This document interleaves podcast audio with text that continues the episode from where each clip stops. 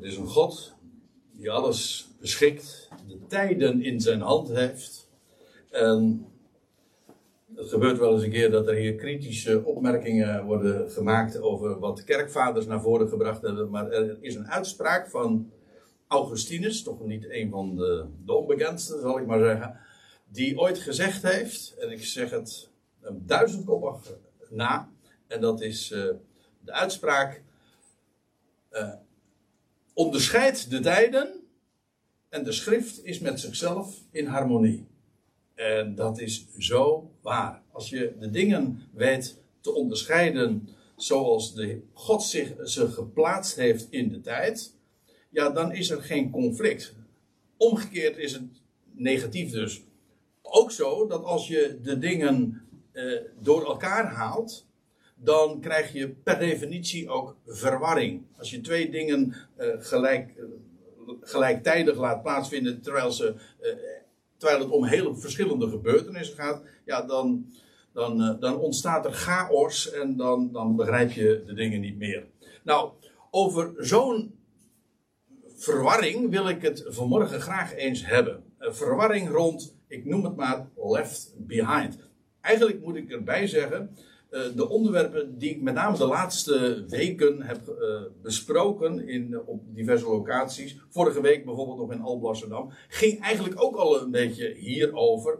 En het, eigenlijk begon het al destijds, bij, of een maand geleden, bij de, bij de Bijbelstudiedag die we mochten hebben in, in Maren. Dat ging over de wegrukking. Nou ja, en dat, dat roept soms dan vragen op, of kritiek. En wat, wat doe je dan? Dan ga je de schriften openen en dan probeer je duidelijkheid daarover te verkrijgen.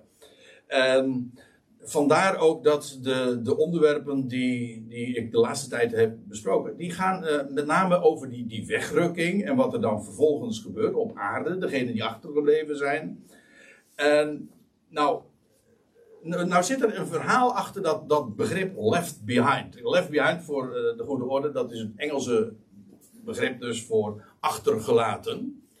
En in, de, in, in het christelijk jargon, dat wil zeggen in de Engelstalige wereld, staat deze term uh, gewoonlijk voor degenen die achterblijven en die niet de Heer tegemoet zullen gaan in de lucht. En als ik het zo zeg, dan doel ik uiteraard op dat waar Paulus over heeft in 1 Thessalonica 4, hè, van dat hij de, de gelovigen daar ook de verwachting voorhoudt dat zij die overleden, de overleden gelovigen, die zullen bij gelegenheid als de bezuin zal klinken, worden opgewekt. En samen met degenen die op dat moment in leven zijn op aarde, zullen samen met hen de Heer tegemoet gaan in de lucht en worden weggerukt. Dat, die term wordt dan daar uh, gebruikt.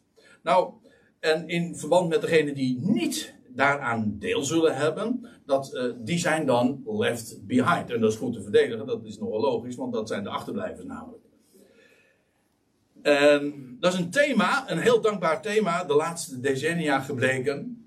Ook daar heb ik trouwens de, vorige keer in Alblasserdam op gewezen. Ja, ik zeg het maar even bij, want er waren een aantal mensen toen bij, uh, die nu ook hier weer zitten. Dus uh, ik excuseer me eventjes voor de doublure, zeg maar. Maar goed, de, laatste jaar, de laatste tientallen jaren zijn er nogal wat boeken ook over verschenen. Ook romans, maar ook films. bij mij staat heel erg in mijn herinnering, in mijn geheugen gegrift, de film die in 1972 uitkwam, Thief in the Night. met een, een, prachtige song van, een prachtige song van Larry Norman. En dan, dan, dan zingt een prachtig nummer. En dan zingt hij ook over ja, die passage in Matthäus 24. Daar er over straks nog meer. Maar er is ook een, uh, een bekende boekenserie. In, is ook in het Nederlands, verschijn, Nederlands vertaald. En een film die daarop is gebaseerd. Left Behind. Die je hier dan ziet. En dat gaat allemaal dus over die gebeurtenis. wat, er is ook heel veel bij gefantaseerd. Moet ik er ook meteen bij zeggen. Heel veel. Wel heel erg veel. Ik wou bijna zeggen, bijna alles. Nee, dat is ook weer niet waar. Maar goed. Um, het, het, gaat in ieder geval over dat thema van wat, wat, wat, wat Paulus daar belicht in 1 Thessalonica 4. Het, het, leent zich natuurlijk ook wel eigenlijk voor een, voor een mooie film. Dat, kan ik niet ontkennen. Het is, het is nogal wat, hè, dat wat daar in 1 Thessalonica 4 wordt beschreven. Prachtig uh, thema voor een, voor, een, voor een roman of een film. Maar waar het dan om gaat, is dat ze daarbij zich heel uh, uh, vaak beroepen in die films, in die boeken, in de, alles wat dat ondersteunt, ook in de songs. En daar, daar doelde ik zojuist al op. Die song in, uh, in de, de titelsong eigenlijk in As a Thief in the Night.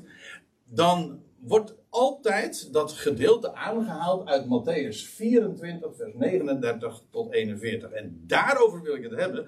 En dat, is deze, dat zijn deze woorden die uh, in Matthäus 24 dus genoteerd staan. Dan zullen er twee in het veld zijn. De een zal aangenomen worden en één achtergelaten worden. Twee vrouwen zullen aan het malen zijn. Moet ik altijd een beetje lachen, maar goed. Ja. Oké. Nou heb ik u meteen over de gedachte gebracht. Hè? Nee, we gaan niet discrimineren. Maar goed, twee zullen aan, uh, aan het malen zijn met de molen. En de een zal aangenomen worden en één achtergelaten worden. Dat gedeelte, uh, dat laat men altijd slaan. Dan in die songs, in die, in die films, in die boeken en zo. Op dat moment van de wegrukking, waar Paulus in 1 Thessalonica 4, maar ook in 1 Corinthië 15 en andere plaatsen heeft. En wat ik eigenlijk vanmorgen wil doen, is uh, laten zien dat het beroep op die passage volkomen onterecht is. Die passage heeft een duidelijke betekenis, daar, daar niet van. Maar door het te verwarren met een, de gebeurtenis die Paulus beschrijft in 1 Thessalonica 4, krijg je echt hele grote verwarring. En ja, ik vind het van belang dat als je werkelijk de schrift wil verstaan, dat je ook de dingen op zijn plaats laat zetten. Uh, of houdt en, en, dat je dat respecteert. Dus vandaar ook die uitspraak van, van Augustinus. Onderscheid de tijden. Ga niet alles door elkaar gooien, want dan krijg je, dan krijg je verwarring. Kijk, op zich, dat wat zich hier, uh, dat wat hier in dit gedeelte in Matthäus 24 beschreven wordt, Daarvan zou je zeggen, hé, hey, maar dat is, dat is precies wat, we, wat je mag verwachten bij het moment dat die wegrukking plaatsvindt. Want dan, blijft, dan gaat de een mee, wordt aangenomen, en de ander blijft achter. Dat is waar. En toch, en dat is wat ik wil laten zien, gaat het over een heel andere gebeurtenis, op een heel ander tijdstip, en zelfs met een totaal andere bedoeling, zelfs tegenovergestelde. Nou, het lijkt me van belang om dat eens eventjes goed uh, te onderstrepen. Laat ik eerst even, even een, een, stapje terug doen en wat in het algemeen vertellen over Matthäus 24. Dat is het hoofdstuk dat in mijn Bijbel staat daarboven reden over de laatste dingen. De Heer Jezus, dat is een paar dagen voordat hij overgeleverd zou worden om gekruisigd te worden. Hij was in Jeruzalem en dan lees je dat hij zich terugtrekt op de Olijfberg. En dan, dan, dan, dan zien ze vanaf die Olijfberg de gebouwen van de tempel. En dan zegt de Heer Jezus van nou, nee, zijn discipelen wijzen hem daar dan op. En dan zegt hij van nou, uh, er gaat een moment komen dat er, dat er geen steen op de ander zal blijven staan. Het wordt allemaal verwoest. En dan lees je dat de discipelen uh, bij hem komen en dan gaan ze vragen. En hij beantwoordt in Matthäus 24 dan drie vragen die zij stellen. En die drie vragen vind je in Matthäus 24, vers 3. En dat is: wanneer zullen deze dingen gebeuren? In verband met de verwoesting van de tempel. En het is heel eh, bijzonder en eigenlijk ook eh, van belang om dat te zien. Die vraag wordt beantwoord in, hoofdstuk, uh, ja, in hetzelfde hoofdstuk, maar dan vanaf vers 4 tot en met 14. Dat is het algemene antwoord, wanneer namelijk. Waarbij overigens geen data worden gegeven, maar er worden de omstandigheden geschilderd uh, wanneer de dingen gebeuren en wat als dit gebeurt, dan vervolgens dat en dan dat en dan dat. Je kunt over het wanneer spreken zonder dat je een, een datum geeft of een jaartal. Dat hoeft helemaal niet. Je kan ook gewoon vertellen van nou eerst dit en dan dat en dan dat. Ook dan heb je de vraag beantwoord wanneer. Oké, en de tweede vraag die zij stellen, wat is het teken van uw parousia? Moet misschien even al, nu al even toelichten. Want niet iedereen zal dat woord meteen oppakken. Parousia, dat is een Grieks woord. Meestal wordt het in onze Bijbel vertaald met komst. In onze NBG-vertaling. Uh, wat is het teken van uw komst? Maar uh, daar is wat. Het, het, is wat uh, onduidelijk, of in ieder geval als je het op die manier weergeeft. Ik kom daar, ik beloof het bij deze, straks nog even op terug. Maar dat is wel de vraag die zij stellen dus. Hè? Wat is het teken van uw parousia? En die vraag wordt dan vervolgens beantwoord in vers 15 tot en met 31. En, maar dan hebben ze nog een vraag. Drie vragen eigenlijk in één zin. Uh, wat is het teken van de voleinding van de aion? In uw vertaling, dat is weer trouwens een Grieks woord, aion. Hè? Maar in uw, uh, mijn vertaling wordt dan gezegd van wat is de voleinding van de... Nee, ja, dat is een goede vertaling heb wel. Maar uh, de voleinding van de wereld staat er. In, in andere gevallen zou men vertalen eeuwigheid. Maar dat kan natuurlijk niet, want de eeuwigheid wordt geacht juist niet voleind te worden, want dat, dat is eindeloos, toch? Nou ja, daar is heel veel mee geknoeid. Vandaar ook dat we het, uh, het veiligste doen, gewoon het Bijbelse woord ervoor gebruiken. Uh, een wereldtijd, een eeuw of een aion. Ze vragen, wanneer wordt de, deze wereldtijd voleindigd? En met daarbij de gedachte van wanneer begint die volgende aion. dat is de toekomende aion. De Joden spreken dan over de olam haba'a. Dat wil zeggen de wereld, die, dat wereldtijdperk, dat gaat komen. Waarin de Messias zal heersen. Maar die, komen, die, die, die volgende aion, die kan pas komen als deze aion beëindigd is. En wat, eh, wat kenmerkt nou precies die tijd van de, het einde van de aion? Dat is die vraag. En die wordt dan vervolgens beantwoord in vers 32 tot en met het einde van het hoofdstuk. Eigenlijk gaat het antwoord nog door in hoofdstuk 25. Maar goed, we beperken ons even tot uh, het 24e hoofdstuk. Dus dit even uh, in het algemeen over uh, Matthäus 24. Die reden, de, eigenlijk is het ook een bergrede. De tweede bergrede, de reden die de Heer heeft gehouden. Een lang antwoord op de vragen die zijn discipelen dan stellen, daar vanaf de Olijfberg.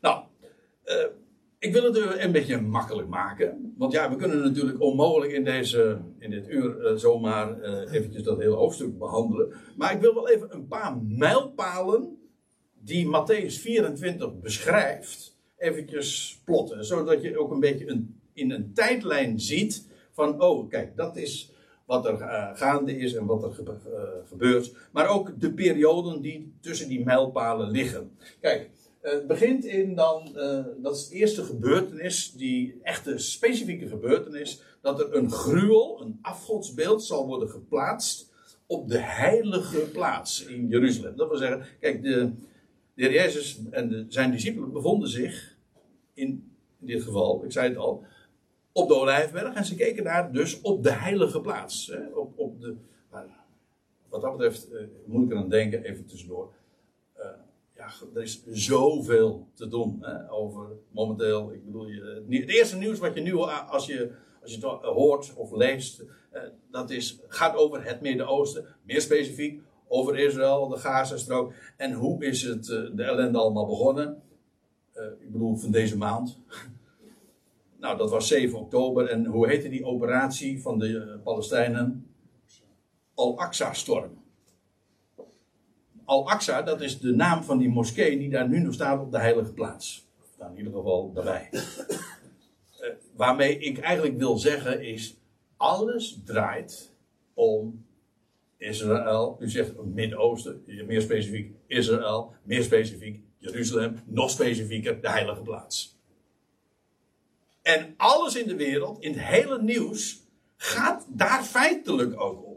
Dat conflict, die strijd, daarover. Maar de Bijbel leert uh, dat er een afgodsbeeld zal, worden geplaatst. En de heer Jezus verwijst dan ook naar de profeet Daniel. Hij zegt, uh, als, je, als, je, dat nou leest in Daniel, hij zegt, let dan goed op. En wat Daniel beschrijft is dat er op de heilige plaats dan ook weer een, een tempeldienst zal zijn. De Joden zullen dan ook een dat is dus het eerste eigenlijk wat we verwachten. Voordat er de afgodsbeeld uh, daar op het tempelplein neergezet kan worden. En dan zal eerst dan zal hij de offerdienst staken.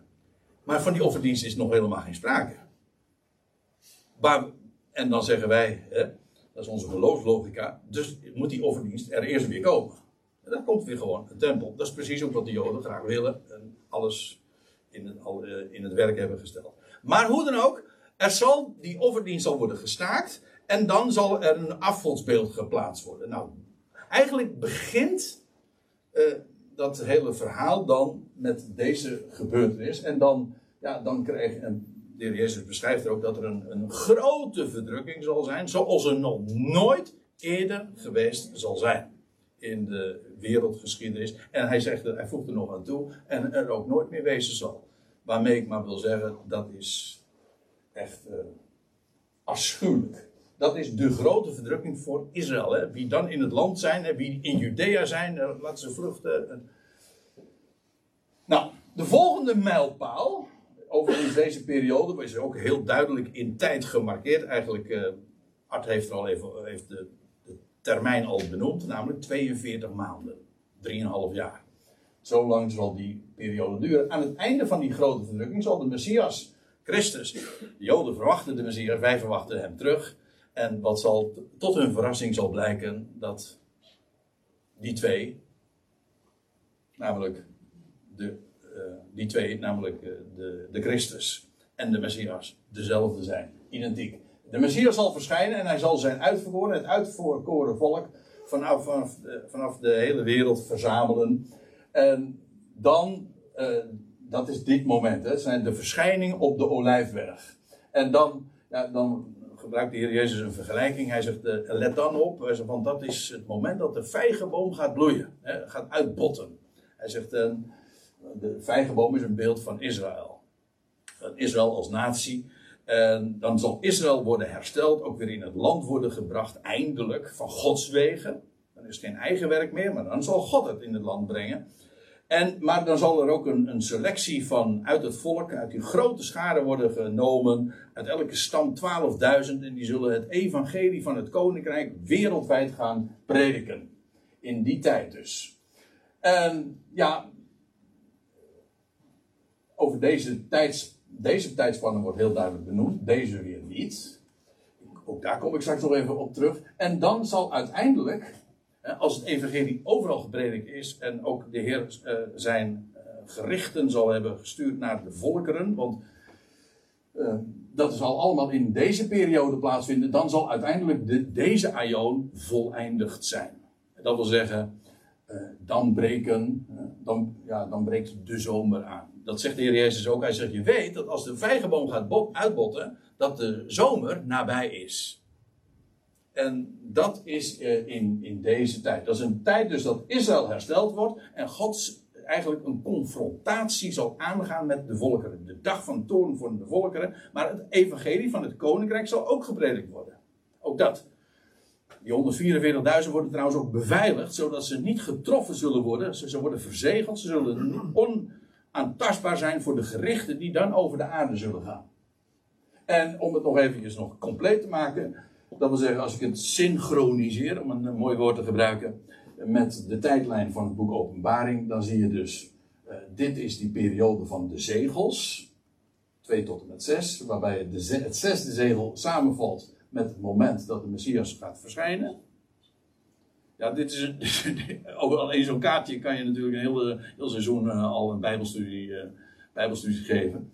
Maar uh, dat zesde zegel, dat is namelijk, weet u, dat is het moment, dat zesde zegel, dat lees in openbaring, dat de zon en de maan uh, verduisterd worden en de sterren hun glans niet zal geven. Maar dat is precies het moment dat uh, de Heer zal verschijnen voor zijn volk.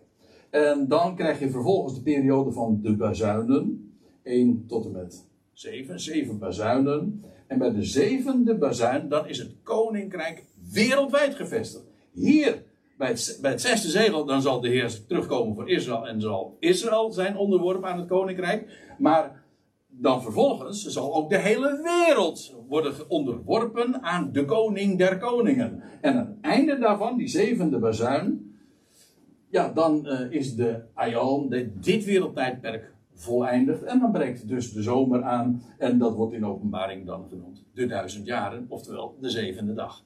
Het sluit allemaal mooi aan, uh, Art. Zonder dat het allemaal door ons zo gepland is. Dus, uh, ja. ik zeg dit expres eventjes zo, om, om, om enigszins ook, als je, zeker als je een beelddenker bent, en je wil een beetje klaarheid hebben van, nou, dat zijn de dingen die zo worden beschreven. Nou, nu wat we gaan doen is, we gaan naar de passage zelf toe, naar Matthäus 24. En namelijk naar vers 29. En dat is wat de Heer eh, Jezus dan vertelt van wat er gaat gebeuren als de verdrukking over Israël ten einde zal zijn. Dan staat er terstond, vers 29, terstond na de verdrukking van die dagen.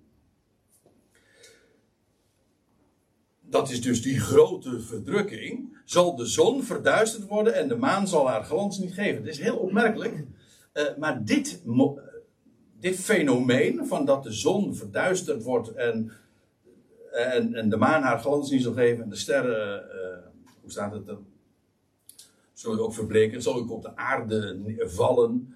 Uh, nou, in ieder geval, al die astronomische tekenen die beschreven die vind je niet alleen in Matthäus 24, maar ook in Joel en in diverse van de andere profeten, Vanja en, nou ja, hou me de goede, Jezaja ook. Het worden allemaal genoemd en dat het, markeert ook een moment. Namelijk op het moment dat dat zal gebeuren, en ook in de openbaring wordt dat dus genoemd als bij het zesde zegel, waar ik het net over had. Als dat zal gebeuren, en de sterren zullen van de hemel vallen, en de machten der hemelen zullen wankelen. Dus ja, zulke indrukwekkende fenomenen dus aan, aan de hemel zullen, in de atmosfeer zullen plaatsvinden. En dan staat er, en dan zal het teken van de Ben-Adam verschijnen aan de hemel. Ik, zei u, dit is een MBG-vertaling, maar zo af en toe corrigeer ik iets, of dan verander ik iets. Hier staat in het Hebreeuws de zoon. In de Nederlandse vertaling staat meestal de zoon des mensen. Maar dat is, in het Hebreeuws is dat de Ben-Adam. Ik hou daarvan. Waarom? Omdat het zoveel duidelijkheid geeft. Wie is die zoon des mensen? Dat is de zoon van de mens. Van Adam. De erfgenaam. Wat Adam heeft gekregen. En waar die hopeloos in faalden. Dat zal zijn zoon, de echte, de ware, gaan doen. Wil de ware zoon opstaan? Nou, hij is opgestaan. En dat is dus de Ben Adam. En dan zal het teken van de Ben Adam verschijnen aan de hemel. En dan zullen alle stammen van het land zich op de borst slaan als u een MBG-vertaling hebt, dan staat hier de stammen van de aarde. Maar het is natuurlijk de stammen van het land. Je spreekt over de volkeren van de aarde en de stammen van het land. Het gaat hier over uh, Israël. En die, zullen, en die zullen dan zich op de borst slaan. Dat is een teken van, van rouw. Of uh, van, hoe staat het? Uh, ze zullen heftig treuren. En dit is trouwens ook weer iets waar. ja, daar wordt heel vaak over gesproken. Want als hij zal verschijnen. Hij zal verschijnen dan, zijn voeten zullen staan op de olijfberg. Men zal de naam hebben aangeroepen en dan zal hij verschijnen. En die olijfberg scheurt dan in tweeën. En dan, en dan staat het ook in Zacharia wordt er dan gezegd. En ze zullen zien wie zij doorstoken hebben. En over hem een rouwklacht aanheffen. En nou, dat, dat dramatische moment, dat, om zo te zeggen dat Jozef zich bekend maakt. Ik ben u, ik ben Jozef. Jullie verkocht hebben. En dan zullen ze verschrikt staan. Eigenlijk, de, de geschiedenis herhaalt zich dus feitelijk dan. Nou ja, ik geef hier zo een aantal schriftplaatsen weer waar dat ook allemaal staat.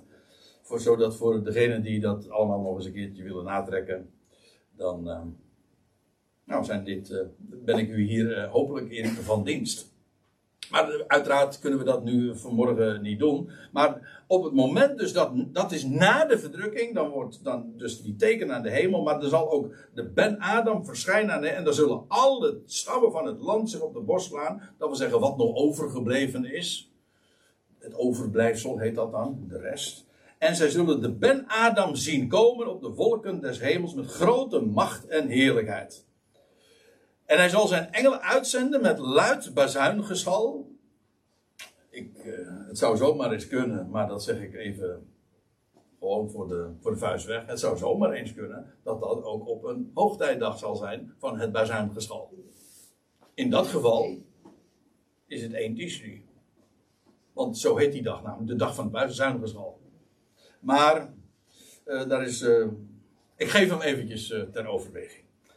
Uh, hij zal zijn engelen dan uitzenden met luid bezuingezal. En ze zullen zijn uitverkorenen verzamelen uit de vier windstreken. van het ene uiterste van de hemel tot de andere. Met andere woorden, noord, zuid, oost, west.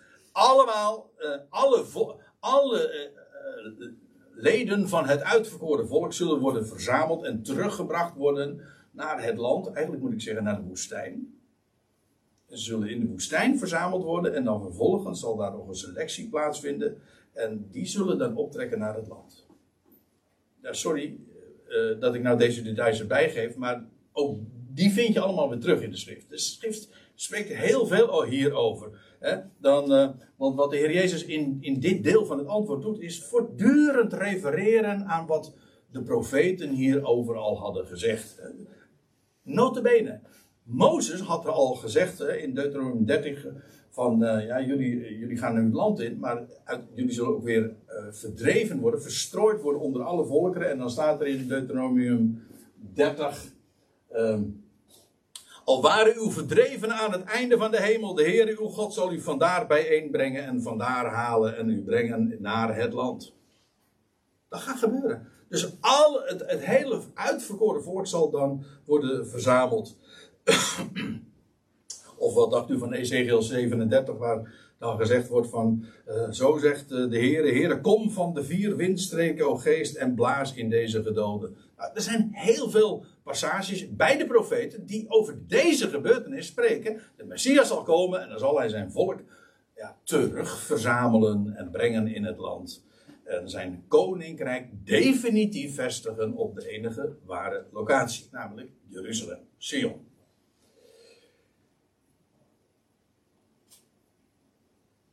En dan staat er, leert, leert dan van de vijgenboom deze les. De vijgenboom. Ik, ik, ik gaf het al even aan. Dat is uh, dat beeld wat, uh, wat de Heer Jezus dan met name in Matthäus 24 gebruikt. Maar het is in de Bijbel altijd. We hebben het ooit eens een keertje een speciale bijeenkomst hierover gehad. Over de vijgenboom. Dat is een jaar of drie, vier geleden, denk ik. Ik weet niet precies. Maar in ieder geval, um, toen hebben we dat. Uh, wel eens uh, nog wat nader bezien. Over die vijgenboom is in de evangelie ook nogal wat te doen. Hè? Dat een, vijgenboom zomaar plotseling, dat was trouwens ook op de Olijfberg, die uh, ineens uh, plotseling verdord was. Omdat er geen vrucht aan groeide. Maar er staat erachter, het was ook nog niet de tijd. Ja, heel eigenaardig. En, een andere gelijkenis lees je dat de Jezus, dat je, dat de Heer Jezus zegt van ja, drie jaar lang heb ik heb ik vrucht gezocht bij, de, bij, deze, olij, bij deze vijgenboom. Die trouwens in een wijngaard stond. Uh, maar goed, uh, en, en, nou ja, en dan wordt die omgehakt. Zou die omgehakt worden. In ieder geval, nou, lang verhaal kort. De vijgenboom is beeld van Israël. En, maar wat er gebeurt is, dan als het volk verzameld is en tot erkenning gekomen zal zijn van de Ben Adam, hun eigen Messias, ja, dan, dan, dat is het moment dat de vijgenboom gaat uitbotten. De natie Israël herleeft. Eh, als natie ook daadwerkelijk. Er is, er, lente, nieuw leven. En dat is, vanaf dan is dat aan de orde. Olinsi die zei van, die vijgenboom is uitgebot in 1948, maar daar geloof ik niks van. Hooguit kun je zeggen dat er sindsdien een vijgenboom staat. Maar uitgebot is die nog niet. Er is geen leven. Nee, dat is, leert van de vijgenboom die les. Ja, wanneer is dat? Wanneer ze tot erkenning van de Messias gekomen zijn. Dat is, en, wanneer het volk verzameld is, dan komt er leven en geest in hen. Ook daadwerkelijk. Hoe dan ook, ehm, die vijgenboom leert van de vijgenboom deze les. Wanneer zijn hout reeds week wordt, dat is in de lente, en zijn bladeren doet uitspruiten.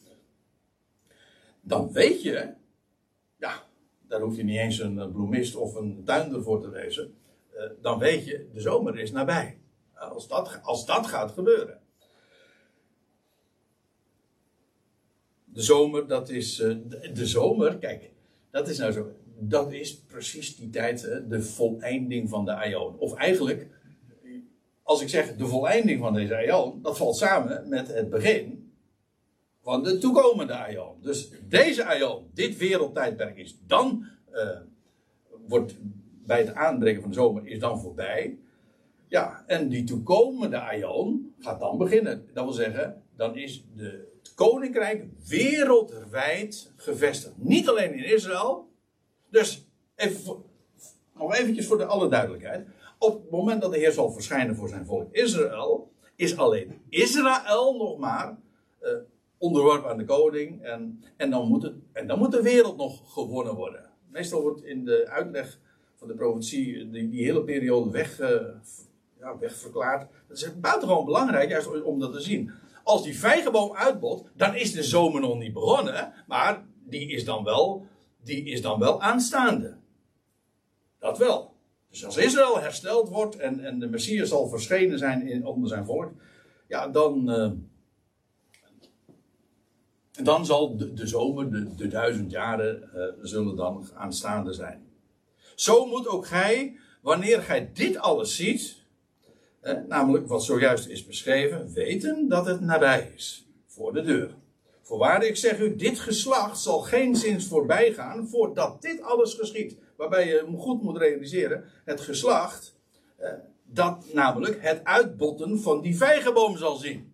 En wanneer gij dit alles ziet, dan zegt hij, en dat geslacht, of dit geslacht die dat zal zien, ja, die zal dan het aanbreken van de zomer ook meemaken. Dus de, je weet, als dat gebeurt, wij zullen in onze dagen dat nog gaan meemaken. Uh, binnen één geslacht. Men heeft het heel vaak ook verklaard van, hey, Jezus heeft het misgehad. Want hij heeft gezegd van, in deze generatie gaat dit allemaal gebeuren. Wat trouwens ook niet helemaal onwaar is. Want inderdaad, 40 jaar later werd de tempel verwoest. Dat weer wel. Maar dat is eigenlijk een type van wat nog gaat komen. De geschiedenis herhaalt zich dikwijls. Nooit identiek, maar hè, hoe was het ook weer? Het, uh, de geschiedenis herhaalt zich nooit exact, maar het rijmt wel dikwijls.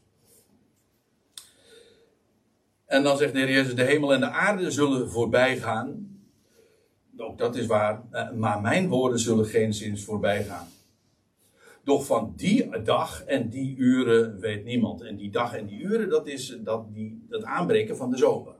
Als je de, kijk, als je die vijgenboom ziet uitbotten, dan weet je, de zomer is nabij. Dan weet je misschien niet de dag, precies wanneer dat dan inderdaad die zomer aanbreekt. Maar je weet wel, dat is dan aanstaande. En uh, de Heer Jezus zegt ook, doch van die dag en die uren weet niemand.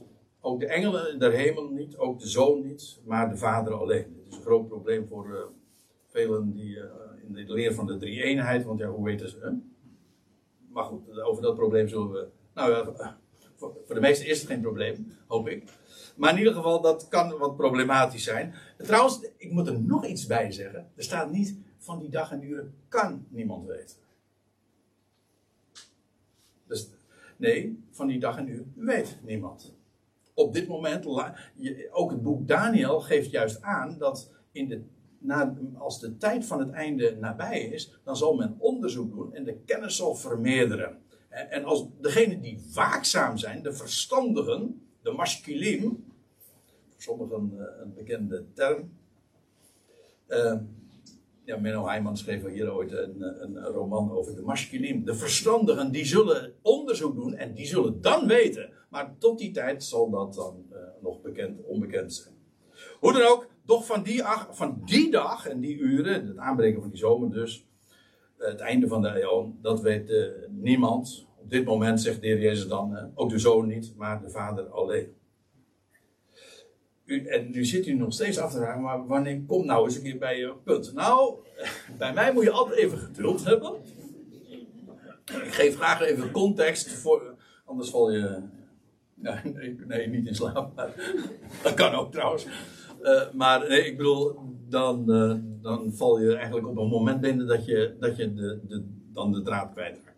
Dat kan nu eigenlijk niet missen. Want, nou, nou, let op, want we komen er wel hoor. Uh, want zoals het was in de dagen van Noach, zo zal de parousia van de Ben-Adam zijn. Als ik het cursief geef, dan betekent dat ik iets de MBG-tekst even verlaat. Ik, ik beloofde al dat ik even terug zou komen op dat woordje parousia. wat meestal wordt vertaald in de NBG-vertaling met komst, in de Statenvertaling met toekomst, die eigenlijk wat beter is, omdat dat daarmee eigenlijk al wordt aangegeven dat het een periode betreft. Maar letterlijk betekent parousia aanwezigheid. Presentie. Eigenlijk parousia en presentie. Termen hebben zelfs. De medeklinkers zijn erg uh, gelijk. Maar goed. Uh, parousia betekent presentie. Het, het, het, Grieks kent trouwens ook het tegenovergestelde. Wij ook trouwens. Je hebt aanwezigheid en je hebt afwezigheid. In het Grieks is dat parousia. En je hebt ook het woordje apousia. En het aardige is dat in Filippenzen 2 vers 12 worden beide woorden in één zin gebruikt. Door Paulus. Hij zegt, uh, ik ben blij dat jullie altijd aan mij denken. Niet alleen maar in mijn parousia, maar ook bij mijn apousia. Dat wil zeggen, als ik niet bij jullie ben. Daarom schreef hij een brief ook natuurlijk. Maar in ieder geval, parousia betekent aanwezigheid. Is dat hetzelfde als komst? Nou, in een bepaald verband wel. Dus ik bedoel dit helemaal niet als een frontale aanval tegen de kritiek. Ik wil alleen maar zeggen dat het een woord is, een weergave, die op een verkeerd been kan zetten, omdat je bij komst vooral in Nederlands geneigd bent te denken aan één moment. De aankomst. Terwijl dat niet de gedachte is in het Grieks. De parousia is niet alleen maar het moment dat de Heer arriveert of aankomt. Nee, het is zijn aanwezigheid.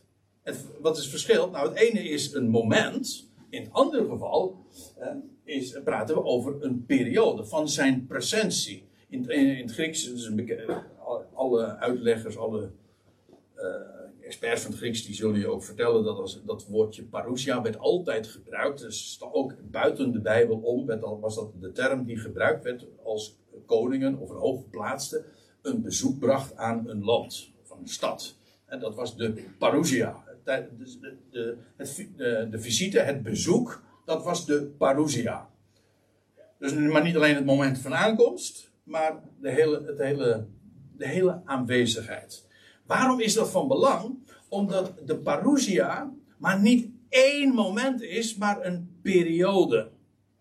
Namelijk van zijn presentie. Waarbij je trouwens ook de vraag moet stellen: present voor wie? Ja, ik bedoel, ik ben nu hier present, maar ik ben elders absent. Present, uh, afwezig. En, en ja, dat, dus het is heel relatief. Als ik, ik ben nu present, ja, hier. Maar elders ben ik dus afwezig. En dat geldt trouwens ook voor ons, voor, als het gaat over de, de, de, de parousia van de Heer, voor ons. Ja, ik bedoel, wij als gelovigen, die uh, worden weggerukt. Ik ga er even gemakshalve vanuit dat we dat uh, dat we daar deel uit van uh, allemaal maken. Sorry, Ronald.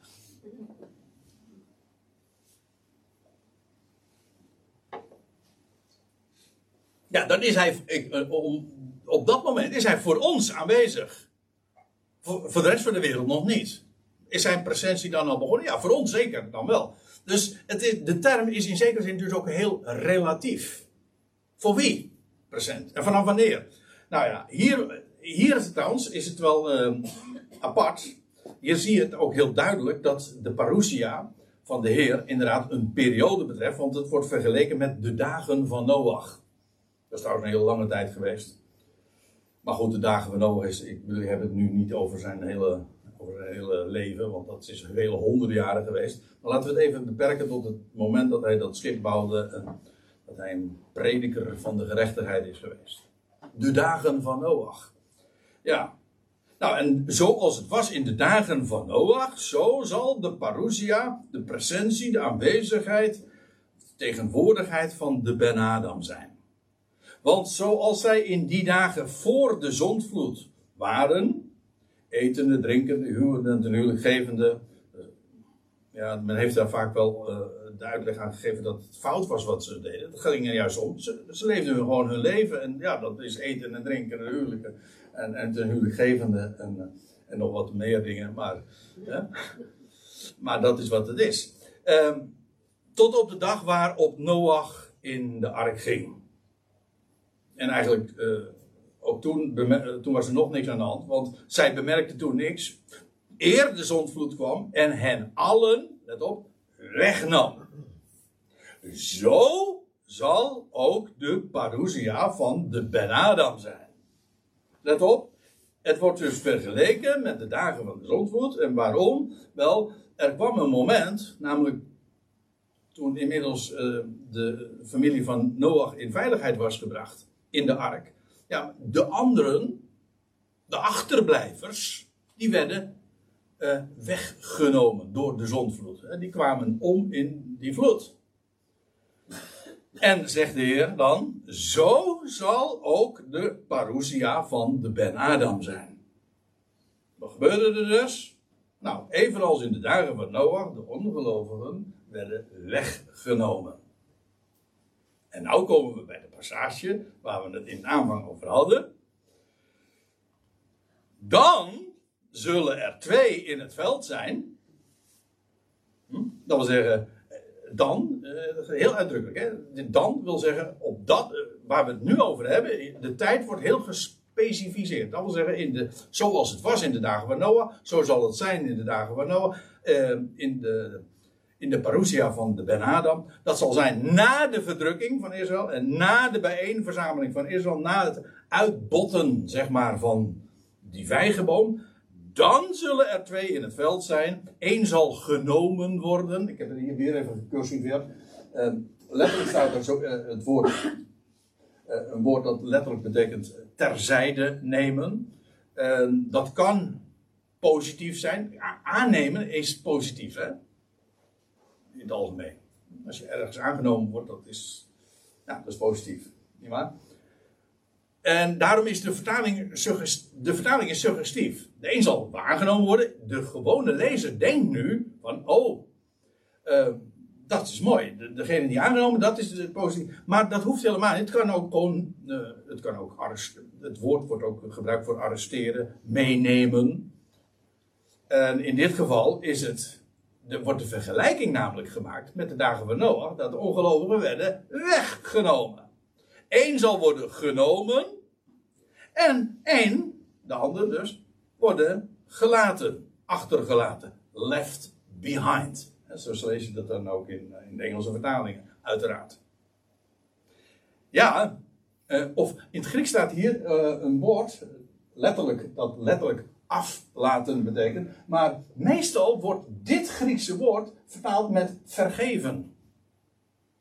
En de betekenis is eigenlijk uh, ja, aflaten, uh, met rust laten. Laat af. Laat, laat het liggen. Laat het terug. Dat is, is feitelijk ook wat vergeven is. Met rust gelaten worden. nou, dan denk ik ineens ook aan, uh, aan Tertsel weer. Nou begrijp ik hem ook. De aflaat. Je kon een aflaat kopen. Namelijk gewoon, vergeving kon je kopen. Een aflaat, zodat er van je afgelaten, zodat je met rust gelaten werd. Oké, de aflaat. De een zal worden, dus de een zal worden genomen, zoals in de dagen van Noach, weggenomen worden namelijk.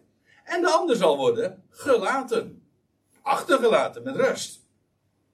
Maar u begrijpt wel, dit is iets heel anders dan wat er gebeurt bij, uh, in de gebeurtenis die Paulus beschrijft in 1 Thessalonica 4. Dan worden de gelovigen opgenomen, geëvacueerd, in veiligheid gebracht en de ongelovigen blijven achter. Hier daarentegen worden de ongelovigen weggenomen en de gelovigen worden met rust gelaten. Die blijven achter. Left behind. Ja, en er wordt nog een voorbeeld. Twee vrouwen zullen aan het malen zijn met de molen. Eén zal genomen worden. Je hebt dezelfde termen. Eén zal genomen worden, één achtergelaten worden. Met andere woorden, de onrechtvaardigen zullen bij die gelegenheid omkomen. Zoals in de dagen van Noach en de rechtvaardigen blijven achter. En de procedure aan het einde van de aion is dus inderdaad dat de gelovigen met rust gelaten worden en die blijven achter. De rest komt om. En als je gewoon even terug ook grijpt, dat wil zeggen even terugleest in het Matthäus-evangelie, dan vind je daar uh, de, de gelijkenissen in Matthäus 13.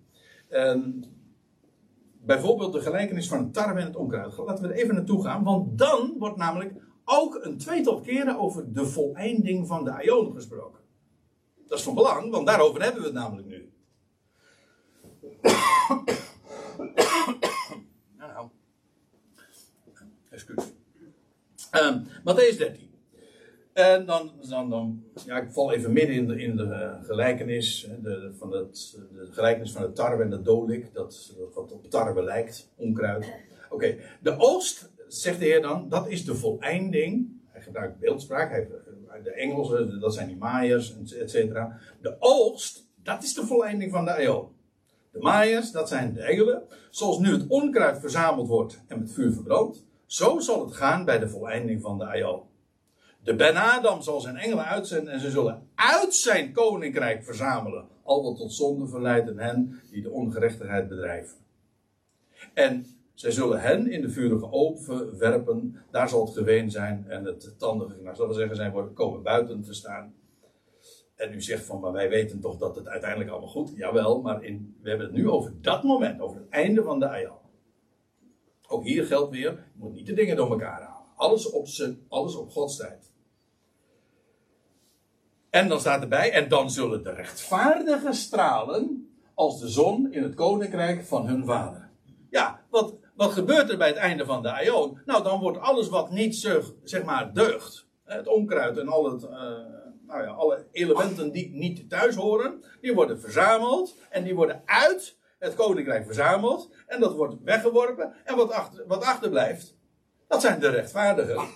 En die, eh, die zullen op aarde stralen hè, als de zon in het koninkrijk van hun vader. Want het einde van de Aion is het begin van het koninkrijk van God, van de, het koninkrijk van de Vader, wereldwijd gevestigd. En zij zullen dan die Aion ingaan. En zij zullen dat gaan beleven. Waarbij de, de ongelovigen uh, inmiddels dus zijn uh, verdwenen. En trouwens eventjes later krijg je nog een gelijkenis. De gelijkenis van het sleepnet. En dan staat er daar zie je dezelfde procedure. Evenzo is het koninkrijk der hemelen gelijk aan een sleepnet, neergelaten in de zee. Trouwens, een beeld van volkeren. Dat allerlei bijeenbrengt. Wanneer het vol is, haalt men het op de oever. Dat is trouwens een beeld van Israël. En de oever, de, de zandstrook, het, het zand dat aangespoeld is door de zee. Uh, wanneer het vol is, haalt men het op de oever zet, uh, en zet zich neer en verzamelt, verzamelt het goede in de vaten. Toch het ondeugdelijke werpt men weg. Zo zal het gaan bij de voleinding van de Aion. Dus voordat de Heer Jezus op de Olijfberg uh, over deze dingen sprak, had hij al in gelijkenissen, al veel eerder, daar bij het meer van Genezeren trouwens, al over deze dingen ook gesproken. Oké, in beeldspraak. En hij had het slechts uitgelegd trouwens aan zijn discipelen. Dus de schade had er geen bal van begrepen. Dat was ook de bedoeling trouwens. Afijn, eh, zo zal het gaan bij de volleinding van de eeuw. De engelen zullen uitgaan om de bozen uit het midden van de rechtvaardigen af te zonderen. En ze zullen hen in de vurige overworpen, uh, overwerpen. En daar zal het geween zijn en het tandengeknars. Met andere woorden, de bozen worden uit het midden verwijderd. En wie blijven achter? De rechtvaardigen die, eh, ja, dat, die zijn dus left behind. Zie je dat dat iets heel anders is dan wat, uh, dan wat er altijd over Matthäus 24, eh, die versen waar ik het over had, uh, verteld wordt. Meestal. En het, is van groot belang om, om die uit elkaar te houden. Nog eventjes, als, want eventjes om het goed op een rijtje nog eh, te zetten. Ik, ik zal de verschillen eventjes uh, schematisch eventjes uh, uiteenzetten. Dus aan de linkerkant left. Oké. De, de wegrukking 1 Thessalonica 4 en, en het einde van de AO. Dit vindt plaats bij het begin van Christus Parousia. Dit daarentegen vindt aan het einde van Christus Parousia plaats. Dat wil zeggen, ook aan het einde van de Aion. Dit is voor de verdrukking. Dit daarentegen is aan het einde van de verdrukking. Of nee, na de verdrukking, zelfs enige tijd, enige tijd na de verdrukking. Hier worden, dat is het grootste verschil natuurlijk, gelovigen weggenomen. Hier worden juist de ongelovigen weggenomen. Dat is nogal een groot verschil, hè? Dus niet alleen qua tijdstipping, maar de gebeurtenis is een hele andere. Er zijn overeenkomsten, jazeker. Daarom, daarom kun je het ook zo gemakkelijk verwarren natuurlijk. Maar het, is, het gaat echt over hele andere dingen. En hier, dit is trouwens ook een hele boeiende, dit is het laatste. De vest, de, hier is, vindt de vestiging van het koninkrijk plaats in de hemel. Want vergis je niet, hè, als die wegrukking plaatsvindt, wordt die mannelijke zoon in openbaring 12 wordt weggerukt tot God en zijn troon. En wat vindt er dan plaats? Reiniging van de hemel. oorlog en, en, alle elementen die daar niet thuis horen. Satan en zijn hele, en zijn hele leger, uh, al zijn consorten, die uh, worden uit de hemel geduveld. Ja? Die houden we erin. Uh, die worden uit de, uit de hemel geworpen. En dat is, betekent dus, vanaf het moment dat die mannelijke zoon weggerukt is en op de troon komt, dan is de hemel het domein en daadwerkelijk het gevestigde koninkrijk in de hemel. Hier, aan het einde van de, de dagen van de Parousia, aan het einde van de Aion, dan vindt de vestiging plaats van het koninkrijk op de aarde. Dus op dit moment is het koninkrijk gevestigd bij de opwegrukking in de hemel. En is, is de hemel gezuiverd. Aan het einde van de Aion, dan is de aarde gezuiverd. En dan worden de ongelovigen eh, en alles wat daar niet in thuis hoort, eh, zijn weggenomen. En die zullen de, die komende Aion niet meemaken. En dus dat betekent dat left behind, ja, waarover hebben we het? Dat. Dus eh, we hebben het aan de ene kant dus over de gebeurtenis die het meest aanstaande is, namelijk de wegrukking, die wij verwachten, onze persoonlijke verwachting ook. Ja, maar vergis je niet, eh, eigenlijk eh, wat de, de, straks de toekomende Aion gaat meemaken, dat zijn allemaal mensen die left behind zijn. Hè? ja, ik vind het, het is belangrijk om dat, uh, om dat te zien. God gaat, God gaat de draad weer opnemen. het is niet zo van dat het is, het is dat verloren is voor iedereen die dan niet meegedaan heeft. Helemaal niet. Integendeel, degene die het koninkrijk straks zullen gaan beërven, dat zijn allemaal mensen die niet meegegaan zijn met de wegrukking. Waar u en ik naar voor uitkijken. God heeft zo, zijn plan is zoveel groter, heeft zoveel meer relaties en connecties en, en, en plannen met allerlei groepen. ik vind het geweldig aan te denken die weggenomen wordt voor de duidelijkheid, die weggenomen worden, die sterven dus. Want, Welke? Nou, de mensen die dus, het feit dat dus eigenlijk, wat dus geen tarwe is. Ja, oh ja, ja zeker. Ja, want dat moet nog even gezegd worden. Waar gaan die naartoe? Sterven die? Ja, die worden net als in de dagen van Noach. Ze zullen omkomen. Ja, de, de grote vraag is trouwens wat er precies, wat er precies dan gebeurt. Nee, ik denk niet dat dat specifiek hetzelfde is als Gehenna. Uh, zullen we dat detail eventjes laten voor wat het is? Hoe, hoe zij dan worden weggenomen en wat er dan gebeurt. Want ook daarover uh, spreekt met name openbaring 19 ook. Maar uh, nee, dat parkeren we, want het is nu alweer uitgebreid genoeg. Ik wil nog één ding even doen. En dat is, een, ik gaf u al eerder even dit plaatje hè, van Matthäus 24. Dus nu eventjes het, het grote tijdsverschil ook te laten zien voordat die gruwel van verwoesting op de, uh, zal worden verplaatst op, de tempel, op het tempelplein. Ja, voor die grote vervulling vindt die wegrukking plaats. en terwijl de gebeurtenis waar we het over hebben in Matthäus 24, vers 40 en 41, dat is na die grote drukking, na deze tijd. En dat is bij de voleinding van de Aion. Dus we praten over echt hele verschillende gebeurtenissen en er vindt iets. Eh, de enige overeenkomst is, is dat in beide gevallen wordt weggenomen en meegenomen. Jawel, maar daar, daar houdt het ongeveer ook mee op. Nou, dat wilde ik vanmorgen graag eens uh, duidelijk maken. En ik hoop dat de schrift daarin ook u daarin helderder is geworden. En ik geef meteen eventjes, normaal zet je een disclaimer aan het begin. Nu wil ik de disclaimer nog aan het eind zetten. Ik heb u doorgegeven wat ik zelf in de schrift heb ontdekt. En u bent degene om te checken of deze dingen al zo zijn. Dus het is geheel uw verantwoordelijkheid wat u hier verder mee doet. Maar ik ben blij dat ik uh, deze dingen zo uh, heb mogen uiteenzetten. Zullen we nog een lied zingen? hey, hoe vindt u deze? Al zou de vijgenboom niet bloeien. Dat is in feite, dat is een, eh, het, is, het lied wat we nu gaan zingen, dat is ontleend aan, uh, aan Habakkuk. Het laatste hoofdstuk van Habakkuk. En in feite gaat het over de tijd dat de vijgenboom niet bloeit. En er geen opbrengst aan de wijnstok is. De kudde is verdreven. Ja, ja. Namelijk, dat is in feite deze, deze tijd ook. En, uh, dus een heel toepasselijk lied, stel ik. Tom.